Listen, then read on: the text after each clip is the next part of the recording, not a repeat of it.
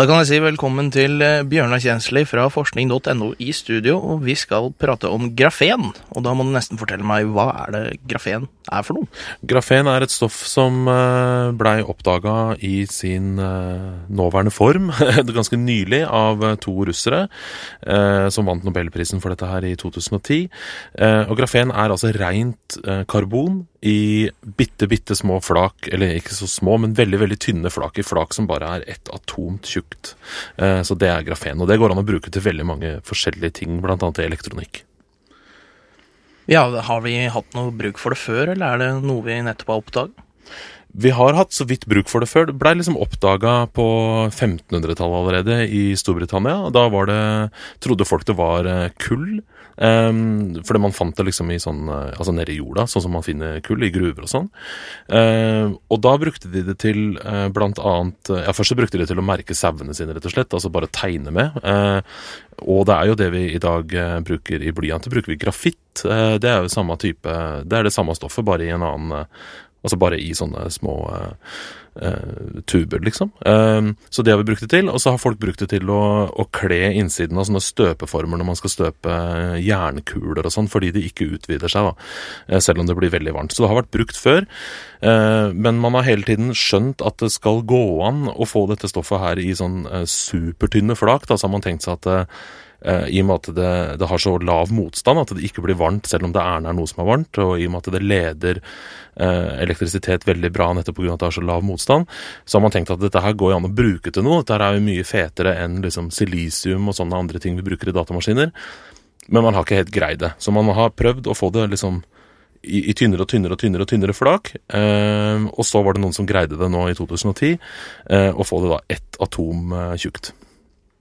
Ja, for du nevnte jo egenskapene at det leder elektrisitet veldig godt. Og det gjør det jo brukbart til veldig mye mm. elektronikk og så videre. Ja, det, gjør, det, er nettopp det. Det, er, eh, det, har veldig lav motstand. Og det betyr at uh, man kan rett og slett bygge datamaskiner mye mindre enn i dag. For problemet når man lager elektroniske komponenter mindre og mindre hele tida, sånn som vi jo driver med. Vi har jo kraftigere datamaskiner i telefonene våre i dag enn det de brukte når de dro til månen. ikke sant? Så det, alt blir mindre og mindre, men da blir det også varmere og varmere.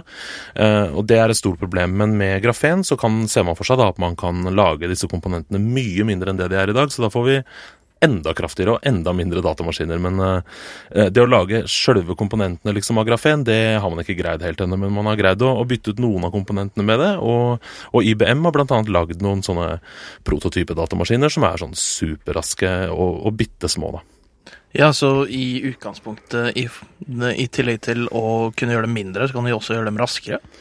Ja, rett og slett fordi da får du plass til mer komponenter på, på mindre plass. ikke sant? Så kan man, kan man eh, putte mer inni en, en, liten boks. da, Så kan man lage Altså Superdatamaskiner i dag er jo store, eh, men superdatamaskiner for 50 år siden var jo så store som en, en hangar, liksom. Så det er, det er, bare snakk om å, å, putte Hvis man i dag fyller en hangar med de raskeste maskinene vi har, så får vi en rimelig kjapp datamaskin. Så det er liksom på den måten at de blir kjappere, da.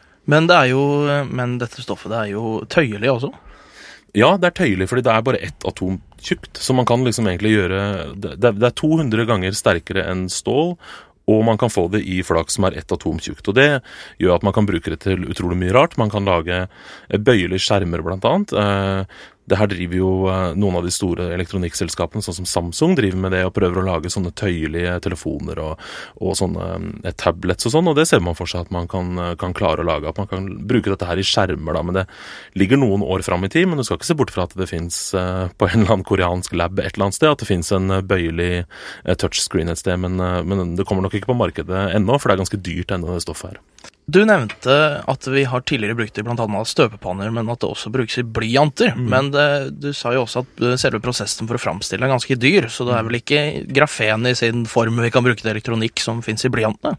Nei, og det er, den er litt så morsom, den historien, hvordan de klarte, disse to russerne klarte å, å få eh, altså grafen av grafitt. Det er jo det samme stoffet, men grafen er altså i de der eh, ett atom tjukke eh, flaka. Det var eh, allerede på 60-tallet så skjønte folk at eh, det går an å å, og, lage de flakene, og de kan være bra å ha bl.a. for å lage elektronikk. Eh, men man klarte ikke. Man klarte å Man, man tok liksom eh, Altså når man skriver med blyant, så kan man se eh, grafen, men, men, de flakene Eller man kan se grafitt, da, men de flakene blir liksom ikke tynne nok. Det blir sånn 100 atomer eh, eh, tynne, var det tynneste de greide å lage da, fram til eh, de russerne her eh, i 2010, eller litt før det, da, gjorde det samme. Altså de tok grafen og skrapte det mot noe, og fikk sånn et flak som var ca. 100 atomer tynne. Og så tok de og festa det til teip, altså vanlig teip, liksom. The Scotch tape method, eller noe sånt kaller de det for. Så tok de rett og slett grafenet på teipen og dro av teipen igjen, og da fikk de de ett atom tynne flaka. Så det, det skal bare en blyant til og litt teip, så kan du vinne nobelpris, liksom. Det er en litt rar historie. Men ett atom tykt, det er jo så tynt at eh, jeg kan jo ikke forstå hvordan de klarer å manipulere det til noe som helst. Nei, det kan du si. Det, det, er, ganske omfattende hvis man skal gjøre noe med det. Og det er derfor det var så utrolig dyrt òg, det stoffet her i begynnelsen. For det var så vanskelig å få til. Eh, altså, du, du, ser det jo ikke engang, for det er så tynt. ikke sant? Så i begynnelsen så kosta dette her eh, mange, mange mange tusen kroner for bare en kvadratcentimeter. Men nå skjønner de hvordan de klarer å, å, å lage det, og hvordan de kan manipulere det og bruke det til ting. Så nå kan du kjøpe liksom flak som er ganske store med grafen for ikke så veldig mye penger. Så da, Jo billigere og billigere det blir, jo, jo flere sånne elektronikkselskaper kommer til å kjøpe det og prøve å lage ting med det. Så vi kommer til å få det her i, i, i varene våre om ikke så lenge. Ja, og er det et felt det går rimelig fort framover i utviklinga på, så ser vi jo det siste 50 åra. Det er jo nettopp elektronikken. Så... Ja, det er nettopp det. Og det er et stort marked for å få sånne bøyelige ting. Eh, smartklokker og smarttelefoner. Det skal jo bli mindre og fetere og tynnere og mer bøyelig i framtiden. Så dette kommer til å komme innen ti år, sikkert. Tusen takk for den informasjonen om grafé, Bjørnar Kjentli fra forskning.no. Bare hyggelig.